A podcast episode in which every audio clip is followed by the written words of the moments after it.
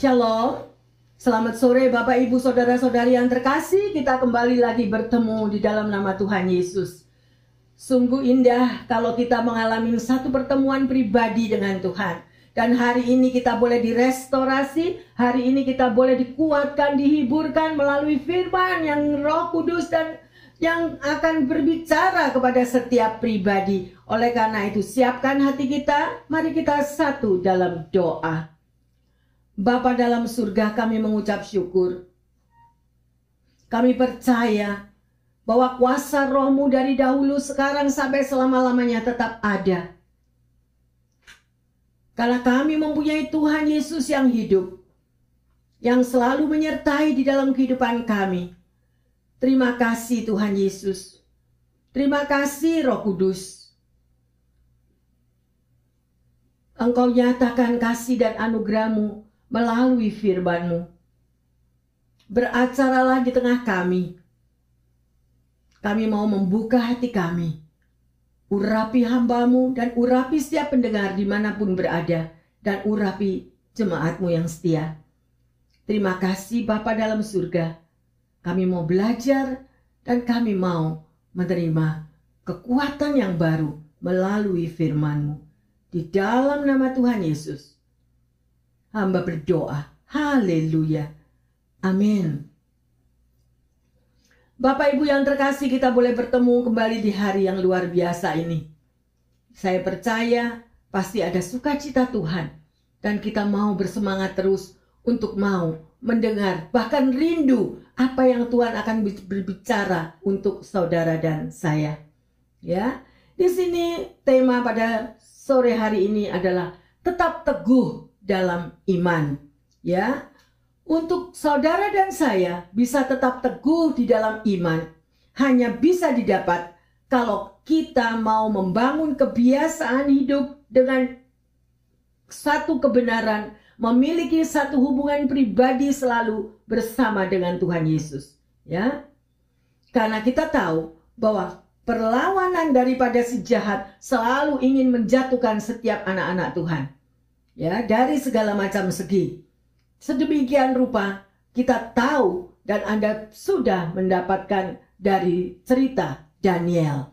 Kalau Anda seorang pembaca firman yang setia pasti tahu siapakah Daniel, ya. Dia memiliki kebiasaan-kebiasaan yang sangat baik. Dia mendisiplin dirinya sehingga dia memiliki iman yang teguh dan kuat. Mari kita uh, membaca bersama-sama di dalam Daniel 6 ayat yang ke-23. Allahku telah mengutus malaikatnya untuk mengatuk mulut singa-singa itu, sehingga mereka tidak mengapa-apakan aku, karena ternyata aku tidak bersalah di hadapannya. Tetapi juga terhadap tuanku, ya Raja, aku tidak melakukan kejahatan. Haleluya. Sedemikian rupa ya, apa yang diperbuat kalau Anda sebagai pembaca firman Tuhan yang setia pasti tahu cerita tentang Daniel. Ya, Daniel dimasukkan di dalam gua singa, tetapi itu ada uh, sebabnya mengapa dia masuk di situ. Ya, nanti kita akan pelajari bersama-sama lebih lanjut, ya. Bapak, Ibu, saudara-saudari yang terkasih, standar hidup yang baik adalah membangun suatu kebiasaan yang baik sehingga akan terjadi satu perubahan hidup yang baik pula. Ya. Kalau kita jalan-jalan, kita masuk kepada satu desa yang kecil, ya kita banyak melihat ya pada sebuah jembatan itu ada dasar yang menopang daripada dasar jembatan tersebut yaitu adalah batu yang besar ya fondasi dari batu kali yang besar itu yang ditaruh di bawah jembatan itu atau di dalam satu terowongan Anda akan dapati begitu batu besar itu untuk membangun sebuah terowongan itu sehingga terowongan itu menjadi kuat ya. Sebagai satu fondasi sebagai satu penopang yang luar biasa ya. Sehingga jembatan tersebut tidak akan ambruk atau roboh dan juga terowongan itu juga tidak akan roboh sedemikian ya. Jadi pertanyaannya apakah fondasi yang Anda dan saya sebagai anak Tuhan fondasi apakah yang memperkuat di dalam perjalanan hidup saudara dan saya ya oleh karena itu kita mau belajar sungguh-sungguh saat ini. Sekali lagi, mari kita mau mengoreksi diri. Kebiasaan-kebiasaan apa yang saudara dan saya sudah selalu jalani setiap hari? Ya, tetapi satu hal yang terbaik adalah kalau kita membangun satu kebiasaan baru yang lebih baik, itu adalah sebagai satu dasar dan fondasi yang akan mengubahkan dalam hidup saudara dan saya. Ya. Ada seorang yang bernama James Clear, dia berkata, tujuan tidak akan menentukan kesuksesan, melainkan dasar atau sistem yang kita pakai itu yang menentukan. Ya, jadi tujuan hidup saudara dan saya itu apa? Hanya kita sendiri yang tahu. Jadi tujuan tidak akan menentukan keberhasilan kita. Kalau dasar dan fondasi yang kita pakai tidak ada. Jadi tanpa fondasi, tanpa dasar yang kuat, ya. Jadi maka semuanya itu tidak akan berhasil, tidak akan sukses. Contohnya, di dalam sebuah perkawinan mengharapkan bahwa perkawinan itu akan berbahagia. Tidak ada seorang pun yang mau bahwa perkawinan itu akan mengakibatkan keretakan, mengakibatkan perceraian setelah lima tahun atau tujuh tahun kemudian. Ya, demikian juga di dalam kita mau menjaga kesehatan. Saya tahu dan percaya pasti di antara kita tidak mau juga mem, uh, mempunyai kepikiran bahwa satu hari saya akan naik berat badan saya 50 kilo ya plus jadi sebelumnya kurus, tapi karena kebiasaan-kebiasaan yang tidak baik, akhirnya berat badan itu naik menjadi 50 kilo lebih. Dan itu pun juga bukan daripada keinginan kita. Tetapi semuanya itu terbangun oleh karena kebiasaan-kebiasaan kecil yang kita tidak pernah mau sadari. Dan semuanya itu menumpuk, menumpuk, menumpuk sedemikian rupa. Ya, yang terkasih. Jadi kita harus kalau kita memang mau memiliki badan yang sehat, kita harus juga berolahraga, kita harus juga menjaga apa saja yang kita makan. Sedemikian rupa. Sehingga sesuatu yang baik yang terjadi. Sekali lagi, sesuatu yang baik atau buruk itu bisa terjadi di dalam kehidupan kita. Itu semua tergantung daripada kebiasaan yang kita lakukan setiap hari. Ya, Rasul Paulus mengatakan kepada muridnya Timothy, mari kita lihat di dalam 1 Petrus 4 ayat yang ketujuh. Kesudahan segala sesuatu sudah dekat. Karena itu kuasailah dirimu dan jadilah tenang supaya kamu dapat berdoa. Sungguh indah ayat ini. Ya, dan yang terpenting di sini dikatakan kuasailah dirimu. Ya, banyak sekali orang tanpa menyadari bahwa di dalam dirinya tidak ada penguasaan diri. Ya, penguasaan diri itu bermacam-macam. Penguasaan diri itu dengan attitude, dengan tingkah laku. Penguasaan diri itu dengan perkataan. Penguasaan diri itu dengan apa saja yang tanpa kita sadari dan sering kali kita sudah menyakiti orang lain. Ya, tetapi biarlah firman yang ditabur pada sore hari ini boleh mengingatkan kita kebiasaan-kebiasaan apa? Karena sering kali kita itu lost control. Ya, sedemikian rupa. Kalau kita boleh melihat dari setiap pagi kita bangun pagi, itu sudah ada rutinitas kebiasaan. Kita bangun, gosok gigi, sikatnya mau ke kiri, ke kanan, ke atas, ke bawah, itu semuanya itu sudah merupakan satu kebiasaan tanpa kita pikir lagi. Betul? Kemudian kita sarapan pagi karena kita mau berangkat ke kantor atau kita tidak sarapan, itu semuanya sudah rutinitas. Kemudian kita mulai naik mobil, sudah semuanya apa yang kita kerjakan di dalam mobil untuk kita mulai starter daripada mobil tersebut untuk bisa berjalan, semuanya itu sudah rutinitas. Sekali lagi, kalau rutinitas atau kebiasaan kita itu baik, maka semuanya itu akan baik. Tetapi kalau kita rutinitasnya sedikit kiri lupa, kanan lupa, atau semuanya itu tidak kita disiplin, maka semuanya itu akan menghasilkan hal-hal yang tidak baik. Ya, oleh karena itu, setiap apa yang saudara dan saya putuskan di dalam kebiasaan hidup itu sangat amat berpengaruh dari perjalanan hidup saudara dan saya. Haleluya. Amin. Jadi dengan kata lain, dasar kebiasaan yang baik yang kita lakukan akan mempengaruhi banyak sekali yang baik di dalam kehidupan kita mendatang. Ingat bahwa kita hidup bukan untuk hari ini saja, tetapi kita juga berharap pada masa depan yang mendatang kehidupan, saudara dan saya akan lebih baik lagi. Di sini kita akan belajar bagaimana kehidupan daripada Daniel. Apa yang membuat Daniel ini berbeda? Ya, tapi yang saya tahu satu hal, ya, bahwa Daniel ini memiliki fondasi kebiasaan yang baik dan kuat. Dia memiliki satu kedisiplinan.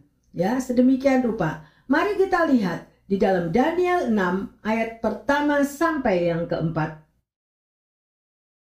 Darius orang Media menerima pemerintahan ketika ia berumur 62 tahun.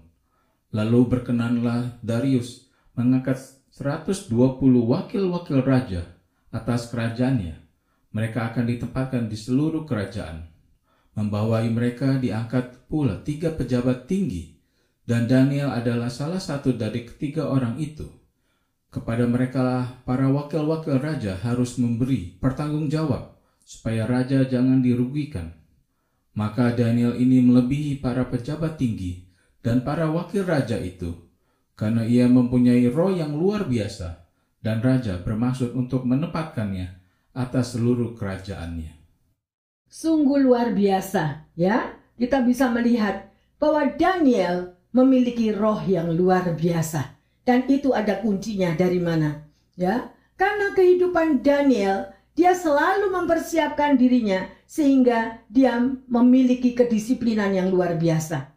Kedisiplinannya adalah dia memiliki hubungan pribadi setiap hari dengan Tuhannya. Bahkan dikatakan nanti saudara akan tahu bahwa dia berdoa kepada Allahnya sehari tiga kali. Bukan cuma sekali dua kali, tapi tiga kali. Ya, dan di situlah merupakan uh, perbedaan daripada orang-orang yang lain. Dan ini membuat cemburu bagi orang-orang yang ada di sekitarnya. Ya, dan berusaha bagaimana untuk bisa menjatuhkan Daniel, untuk bisa um, menyisihkan dia dari kehidupan apa yang raja memiliki rancangan yang indah bagi masa depan. Daniel. Mari kita lanjut di dalam Daniel 6 ayat 5 dan 6. Kemudian para pejabat tinggi dan wakil raja itu mencari alasan dakwan terhadap Daniel dalam hal pemerintahan. Tetapi mereka tidak mendapat alasan apa pun atau sesuatu kesalahan sebab ia setia dan tidak dapat didapati sesuatu kelalaian atau suatu kesalahan padanya. Maka berkatalah orang-orang itu, kita tidak akan mendapatkan suatu alasan dakwaan terhadap Daniel ini, kecuali dalam hal ibadahnya kepada Allahnya.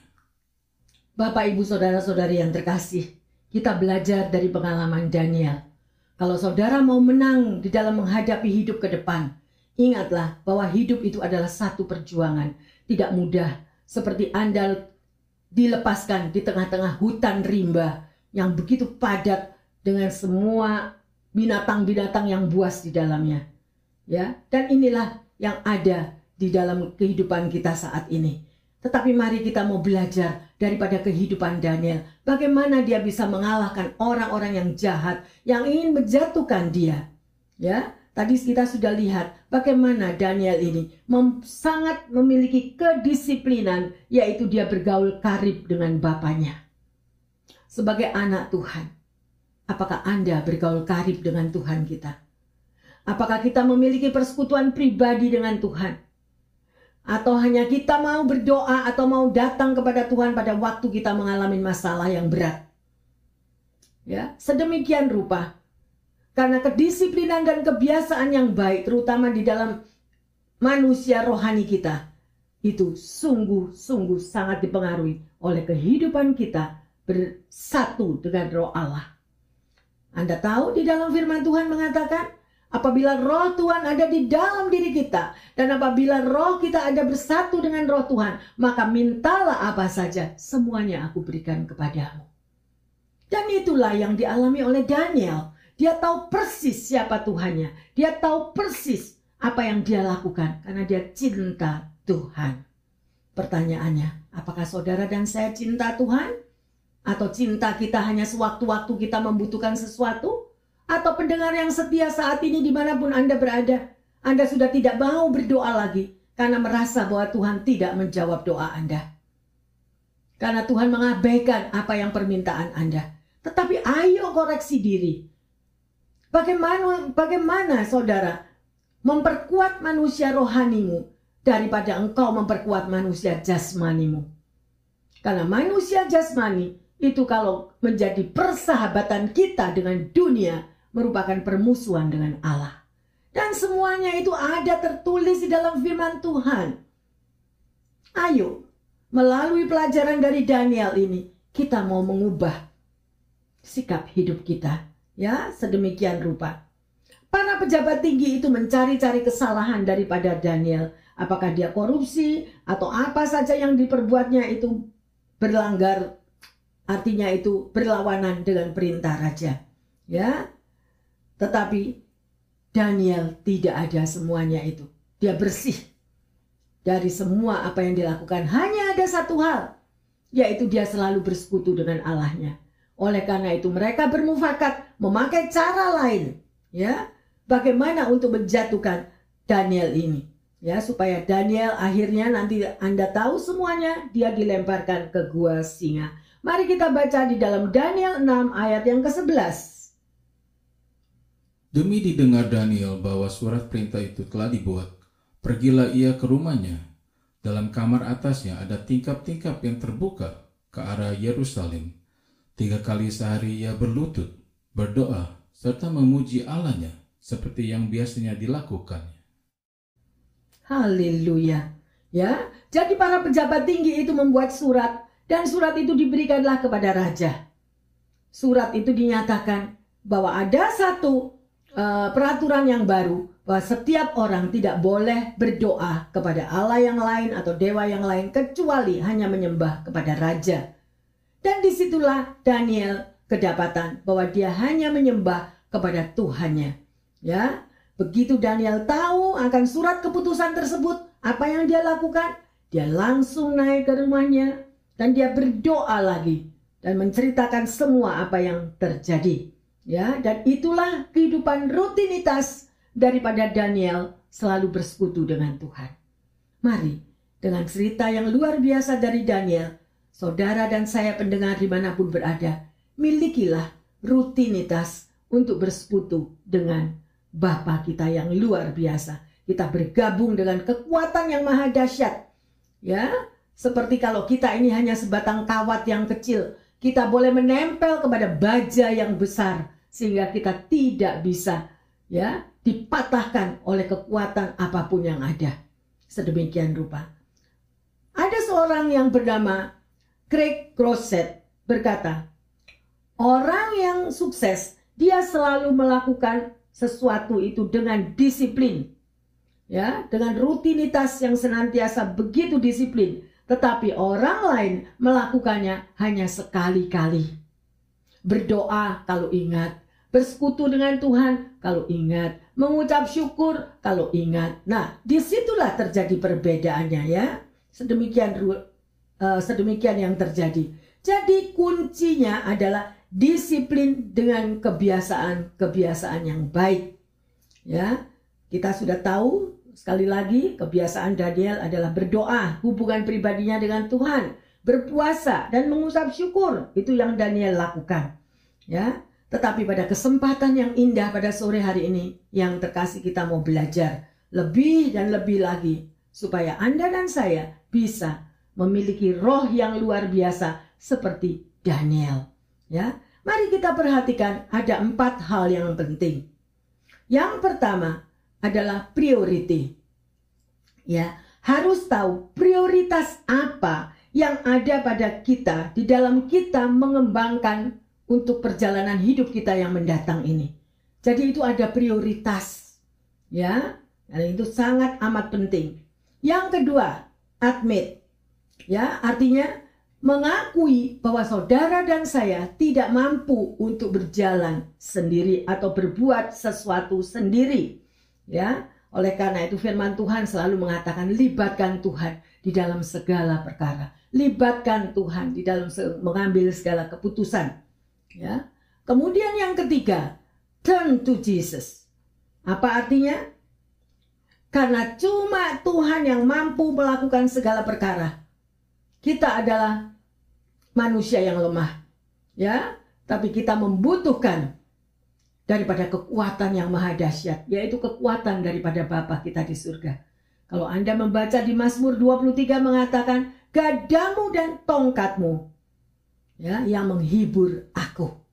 Nah, bagaimana gada dan tongkat Tuhan itu akan senantiasa boleh membela di dalam hidup saudara dan saya kalau kita tidak pernah mau bersekutu dengan Tuhan. Ya, kita menyepelekan Tuhan, kita tidak perlu Tuhan. Kalau kita dalam keadaan terkapar, baru kita cari-cari di mana Tuhan untuk menolong. Ya, bukan itu yang terkasih. Ya, hiduplah selalu bersekutu dengan Tuhan. Yang keempat adalah habit. Kita harus tahu kebiasaan apa yang kita selalu lakukan. Ya, sedemikian rupa kita belajar akan empat hal ini untuk melakukan semuanya boleh berjalan dengan baik dan itu adalah kuncinya. Jadi di sini kita boleh belajar, kita melihat Daniel itu tahu persis siapa dirinya. Daniel tahu akan arti namanya, ya. Jadi apa yang ada di balik kata-kata Daniel, kita tahu di dalam Daniel 1 ayat ke-7, dia tahu persis bahwa Tuhan itu adalah hakimnya. Ya. Di sini juga kita bisa melihat bahwa nama Daniel itu diganti dengan Belteshazzar. Ya, artinya bahwa saya milik Tuhan. Jadi Daniel itu tahu persis bahwa dia adalah miliknya Tuhan. Apakah saudara dan saya tahu persis bahwa kita ini yang sudah berani dibaptis dan kita mau Tuhan itu ada di dalam kehidupan kita, kita harus menyadari bahwa saudara dan saya itu adalah miliknya Tuhan. Ya, sedemikian rupa. Luar biasa. Ya, jadi Daniel itu mengenal siapa persis akan dirinya, ya. Dan dia tahu pada waktu dia berdoa, dan dia senantiasa memperkatakan tentang apa yang dia ketahui hubungan pribadinya dengan Tuhan. Ya. Di sini kita ada satu cerita nyata. Ada seorang bapak yang dia memiliki seorang putri, tetapi satu hari putri jadi diagnos mengalami gagal ginjal. Ya, dan dokter mengatakan tidak ada satu yang mampu untuk um, bisa menolong daripada putrinya yang mengalami gagal ginjal ini. Kecuali di tengah keluarga ada yang mau memberikan ginjalnya. Akhirnya setelah dites di tengah keluarga semuanya, hanya ada bapak ini yang ginjalnya itu bisa ya ditransplant kepada putrinya. Tetapi kendalinya bahwa bapak ini terlalu gemuk, bapak ini terlalu gendut, dan bapak ini juga punya masalah.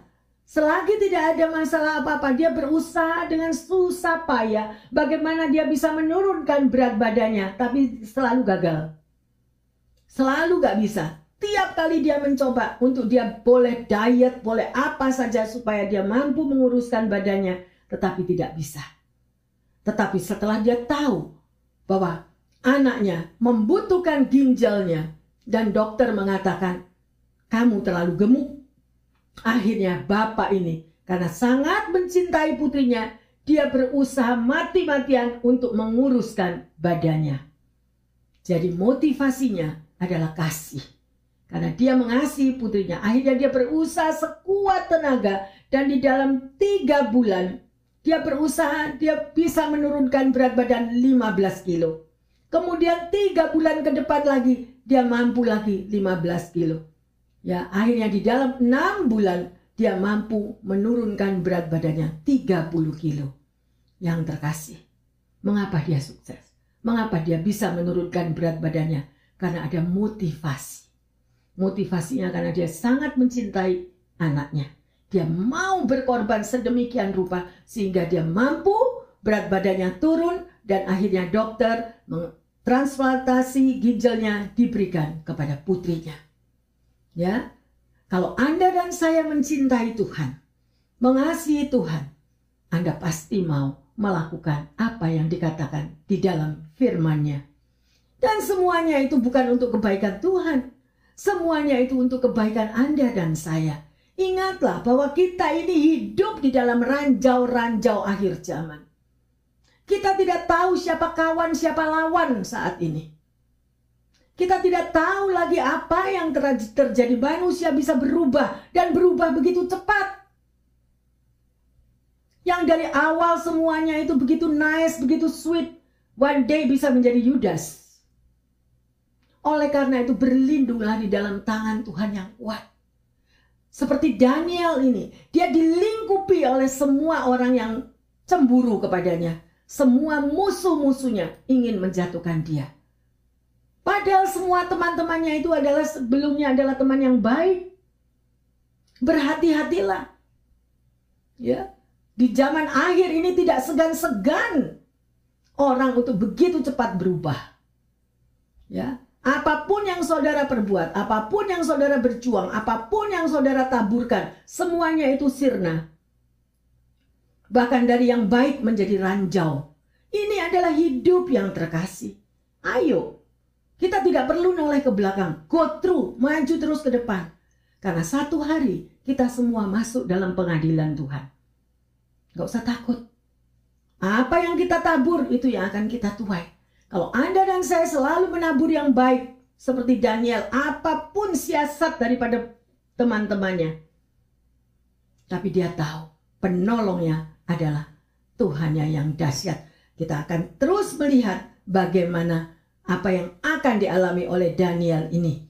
Ya, Bapak, Ibu, Saudara-saudari yang terkasih, ada sebuah lagu kalau Anda melihat kata-katanya begitu indah, ya. Di situ dikatakan, walaupun jalan hidup tidak selalu indah, ada kabut yang pekat, namun kasih Tuhan nyata pada waktu yang tepat. Si Tuhan akan membuat indah pada waktunya. Jangan takut. Tidak ada kata terlambat di dalam nama Tuhan Yesus. Ya, Kasih Tuhan itu nyata pada waktu yang tepat. Camkanlah waktu yang tepat. Ya, karena di balik awan yang tebal, di atasnya membusur pelangi kasih yang kekal. Ya, habis hujan akan tampak pelangi. Ya, bagai janji Tuhan yang teguh. Di balik duka, di balik persoalan apa pun yang saudara dan saya hadapi, pasti ada pelangi kasih Tuhanmu Udah nggak perlu dimasukkan hati itu mereka-mereka yang suara seperti ranjau-ranjau apa pun. Yang menusuk seperti duri-duri di dalam perjalanan hidup. Tetapi percayalah. Jadilah sahabat Kristus. Ya, cintailah Tuhanmu karena Dia satu-satunya pembela kita yang agung. Apa yang engkau lihat pada dahulu, apa yang terjadi dengan semua kasih yang terjadi, one day akan berubah menjadi ranjau. Kalau kita melihat sekeliling kita, ayo change your mind, ganti channel, pandang hanya kepada Tuhan. Ada amin? Contohlah akan Daniel ya. Mari kita lanjut di dalam Daniel 9 ayat yang kedua dan keempat. Pada tahun pertama kerajaannya itu, aku Daniel memperhatikan dalam kumpulan kitab jumlah tahun yang menurut firman Tuhan kepada Nabi Yeremia akan berlaku atas timbunan puing Yerusalem, yaitu 70 tahun. Lalu aku mengarahkan mukaku kepada Tuhan Allah untuk berdoa dan bermohon sambil berpuasa dan mengenakan kain kabung serta abu. Maka aku memohon kepada Tuhan Allahku dan mengaku dosaku demikian. Ah Tuhan Allah yang maha besar dan dahsyat, yang memegang perjanjian dan kasih setia terhadap mereka yang mengasihi Engkau serta berpegang kepada perintahmu.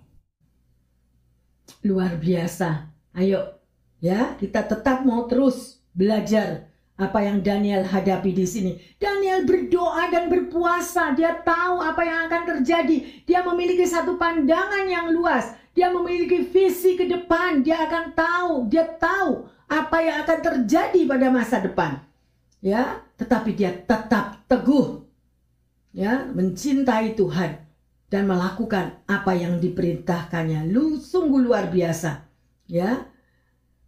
Dia melakukan semuanya itu karena dia mau bahwa apa yang bagi masa depan bangsanya itu terjadi sesuatu yang baik. Ya, milikilah iman seperti Daniel. Milikilah visi seperti Daniel. Apakah saudara pernah memikirkan masa depan ke depan saya ini bagaimana? Masa ke depan keluarga saya ini bagaimana? Nah, itu tidak bisa kita hanya putusi dan kita jalankan sendiri. Kita butuh seorang penolong yang besar, seorang penolong yang dahsyat karena kita berjalan seperti domba di tengah serigala. Tetapi tangan yang berlubang paku itu sudah diulurkan kepada saudara dan saya setiap hari. Itu ada loh firmannya. Setiap hari aku mengulurkan tanganku untuk menolong umatku. Tapi kitanya yang nggak mau. Kita udah merasa jagoan. Gak perlu. Ya, sedemikian rupa. Mari. Luar biasa kalau Tuhan memberikan tentang Daniel pada saat ini. Ya. Sekali lagi, Bapak Ibu yang terkasih, milikilah kebiasaan-kebiasaan yang baik dan disiplinah. Ya. Seorang bernama R.E. Tore berkata, kita tidak bisa memisahkan berdoa tanpa belajar firman Tuhan. Kalau saudara berdoa tetapi tidak pernah tahu apa yang kita pelajari melalui firman Tuhan, doa kita itu bisa salah, melenceng ke mana-mana, bahkan menuntut kepada Tuhan. Tetapi kalau Anda belajar akan firman Tuhan, Anda akan tahu ya bagaimana doa yang benar sedemikian rupa. Jadi sekali lagi, doa tidak bisa dipisahkan daripada pengenalan akan firman Tuhan. Ya, sedemikian rupa. Kita sudah belajar kebiasaan-kebiasaan yang baik yang dilakukan oleh Daniel. Sekarang, ayo kita mau koreksi diri kita. Apa saja yang kita lakukan? Ya, kisah daripada Daniel ini mengajarkan akan tiga hal. Yang pertama, orang yang sungguh-sungguh takut akan Tuhan dan mencintai Tuhan, pasti dia akan menjadi orang yang bermutu tinggi dan menjadi berkat bagi banyak orang. Ya, sedemikian rupa. Ini berlawanan dengan asumsi banyak orang bahwa hal rohani tidak ada kaitannya dengan hidup sehari-hari. Ya, akibatnya mereka senantiasa mencari solusi di luar Alkitab. Mencari solusi di luar Tuhan. Padahal firman Tuhan adalah standar hidup yang teramat baik untuk anak-anak Tuhan. Ya, camkanlah akan hal itu. Yang kedua, ketika firman Tuhan itu diterapkan di tengah dunia yang sudah tercemar oleh dosa ini, maka tidak jarang akan selalu terjadi perlawanan seperti apa yang dialami oleh Daniel. Ketika kita hidup menurut seperti apa yang firman Tuhan lakukan, ada saja masalah-masalah yang dicari-cari untuk menjatuhkan orang yang takut akan Tuhan. Ya, dan ha dan hampir dapat dipastikan bahwa tekanan-tekanan itu terjadi dari orang-orang yang di sekelilingnya. Sedemikian rupa untuk mencari kekurangannya, mencari kesalahannya, mencari kelemahannya, dan untuk menjatuhkannya. Ya, mengapa demikian yang terkasih? Terang yang dari Tuhan tidak pernah akan cocok dengan kegelapan dunia. Itulah perbedaannya. Ya, di situ dikatakan Anda bisa baca di dalam Yohanes 1 ayat ke-11. Ya, ia datang kepada milik kepunyaannya tetapi orang-orang kepunyaannya itu tidak menerimanya. Ya, jadi kita harus tahu kan hal itu. Yang ketiga, apa pun kesusahan, masalah yang saudara dan saya hadapi, teruslah, terapkanlah, lakukanlah firman Tuhan. Ada dua pilihan, Bapak Ibu yang terkasih. Ya, kita mau melawan manusia atau kita melawan Tuhan. Ya. Jadi kita bisa bisa memilih yang mana yang terbaik. Ya, sedemikian rupa. Tetapi Daniel dia tetap teguh di dalam iman percayanya. Ya, dan Tuhan memberikan penyertaannya yang luar biasa. Daniel bisa keluar dari gua singa tanpa kekurangan apa pun. Ya, luar biasa. Mujizat lepasnya Daniel dari gua singa itu, ya, sampai Raja Darius mengeluarkan maklumat atau keputusan untuk semua orang harus menghormati Allahnya Daniel. Ya, ini adalah satu kisah nyata yang terkasih. Firman Tuhan yang mengatakan. Jadi kesimpulannya, jangan pernah merasa rugi ya dalam mengikut Tuhan. Ya, walaupun banyak masalah, persoalan, Tuhan yang akan berperang bagi saudara dan saya. Hidup adalah kesempatan. Ya, oleh karena itu muliakanlah Tuhan. Ya, jangan menuruti akan segala apa pun penguasaan daripada diri kita yang sudah dikuasai oleh kedagingan yang begitu kuat. Lepaskanlah semuanya itu. Ya, kekuatan yang ada di dalam kedagingan kita hanya bisa dilepaskan kalau kita mau surrender kepada Tuhan. Tahu bahwa persahabatan sekali lagi dengan dunia itu permusuhan dengan Allah. Kalau saudara mau marah, koreksi diri. Apa aku benar? Ini manusia daging atau manusia roh? Tiap kali. Memang pada waktu kita disakiti, seperti itu ada suntikan yang kena kepada kita. Seperti ada duri yang menusuk kaki atau tubuh kita. Memang itu terjadi karena kita masih hidup di dunia. Tetapi langsung kita mau kembali kepada Tuhan. Karena Tuhan akan menjernihkan hati dan kepikiran kita. Amin. Ada sebuah kisah tentang orang-orang Kristen di China pada masa tentara merah sedang giat-giatnya untuk memburu dan membunuh orang-orang Kristen. Ada seorang ibu yang bernama Ruth. Dia memiliki empat orang anak. Namun salah satu dari anaknya itu sudah meninggal. Namanya adalah Peter dan pada waktu itu dia berumur 11 tahun. Kejadian tersebut bermula ketika rumah keluarga daripada Ruth tersebut digeledah oleh tentara merah. Dan bahkan mereka dipukul dan dianiaya karena mereka menjadi orang yang percaya kepada Tuhan. Ruth dan suaminya tidak menjawab setiap pertanyaan yang diberikan oleh tentara tersebut. Maka anak-anak mereka diintrogasi. Peter dibawa keluar dan dianiaya hingga harus dilarikan ke rumah sakit, tetapi akhirnya Peter meninggal. Ya. Sebelum ajal menjemput, dengan penuh sukacita Peter berkata ya kepada orang-orang yang di sekitarnya, kepada dokter dan perawat yang ada di situ, bahwa dia melihat banyak malaikat Tuhan di sekelilingnya. Sehingga dokter dan perawat pun mengakui bahwa baru pertama kali itu dia melihat kematian yang penuh dengan damai sejahtera. Ya, dunia di mana kita tinggal saat ini sedang ada di zaman akhir. Bapak Ibu yang terkasih, sadarkah akan hal itu? Ya, banyak orang yang rela menggadaikan iman percayanya sehingga mereka tidak lagi bersekutu dengan Tuhan. Karena ambisi mereka adalah kedudukannya, ya supaya dipuji, disanjung orang lain karena keuangannya, ya sedemikian rupa.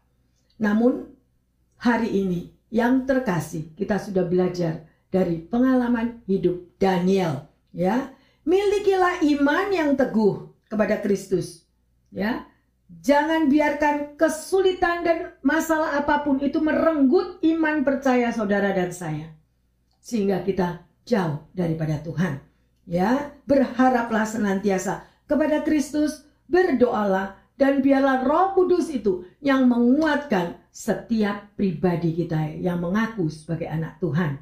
Ya, dan percayalah bahwa di dalam kita mengiring Tuhan ada upaya yang besar menanti apa yang saudara tetap keep, tetap teguh di dalam iman percaya kita bahwa tidak ada Tuhan yang lain selain Tuhan Yesus Kristus sang juru selamat yang maha dahsyat itu. Dan sebagai ayat emas, mari kita baca di dalam Daniel 6 ayat 27 dan 28. Bersama ini ku berikan perintah bahwa di seluruh kerajaan yang kuasai orang harus takut dan gentar kepada Allahnya Daniel, sebab dialah Allah yang hidup, yang kekal untuk selama-lamanya. Pemerintahannya tidak akan binasa dan kuasanya tidak akan berakhir. Ia melepaskan dan menolong dan mengadakan tanda dan mujizat di langit dan di bumi. Dia yang telah melepaskan Daniel dari cengkaman singa-singa. Bapak Ibu yang terkasih, kita boleh melihat di sini ya, pada ayat emas ini tadi. Biarlah ayat ini terekam di dalam hati setiap pendengar semua. Ya, karena kehidupan dari perjalanan hidup Daniel ini menambah iman percaya kita sebagai anak Tuhan. Apa pun pergumulan saudara dan saya, percayalah Tuhan sanggup melepaskannya. Ya, karena Allah kita adalah Allah yang dahsyat, ya. Hari ini Bapak Ibu Saudara-saudari yang terkasih kita sudah belajar bagaimana kita mampu tetap teguh di dalam iman, ya.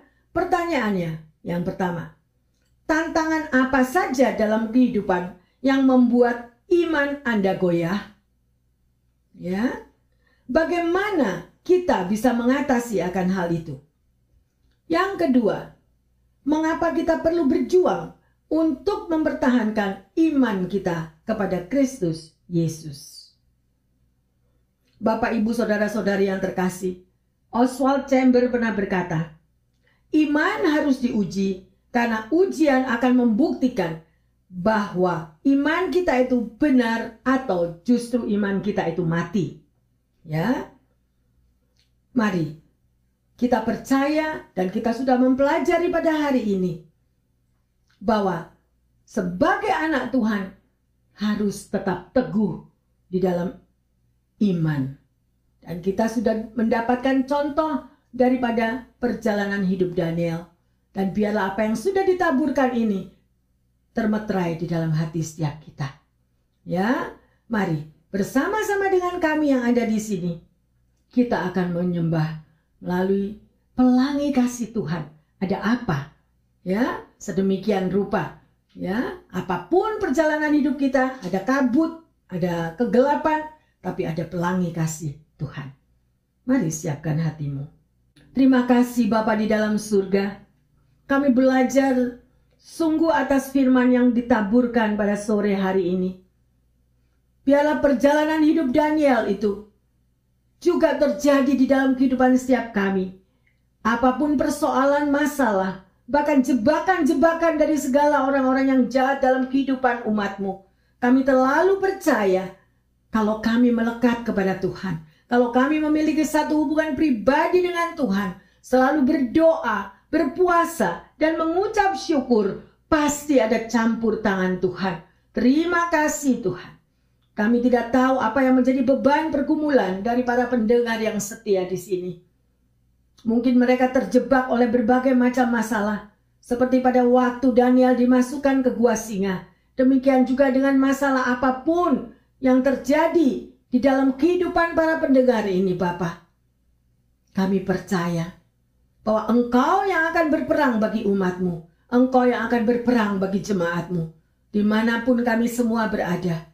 Dan kemenangan pasti akan terjadi karena engkau tidak pernah meninggalkan kami. Terima kasih Bapa dalam surga. Kesempatan yang indah ini. Hamba berdoa juga para pendengar yang setia di mana pun mereka berada. Di dalam kamar mereka, di dalam rumah-rumah mereka, bahkan di pelosok-pelosok Tuhan. Apa pun yang menjadi pergumulan dan peperangan, bahkan kesulitan apa yang terjadi. Ada yang sakit, Engkau mampu dengan kuasa darah Yesus, engkau mampu menyembuhkan. Bagi yang kekurangan, bagi yang mengalami kebangkrutan, bahkan kesulitan finansial yang luar biasa. Bapak, engkaulah jawaban. Engkau sanggup Tuhan.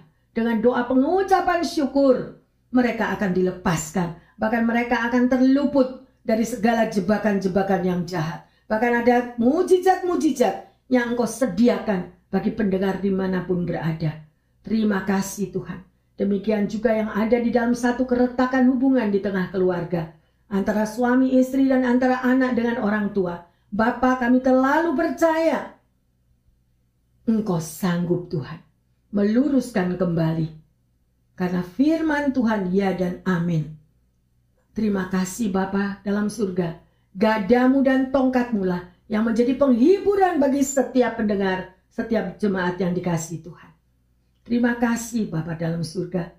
Kami pertaruhkan semua doa ini hanya di dalam nama Tuhan Yesus, Juru Selamat kami yang hidup.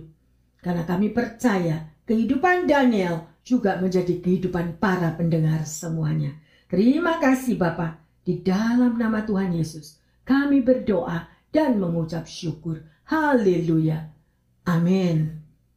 Bapak, Ibu, Saudara-saudari yang terkasih di mana pun Anda berada, tetaplah teguh dalam iman percaya kepada Kristus Yesus. Ya, karena janji Tuhan, ya dan amin, kita tidak pernah ditinggalkan.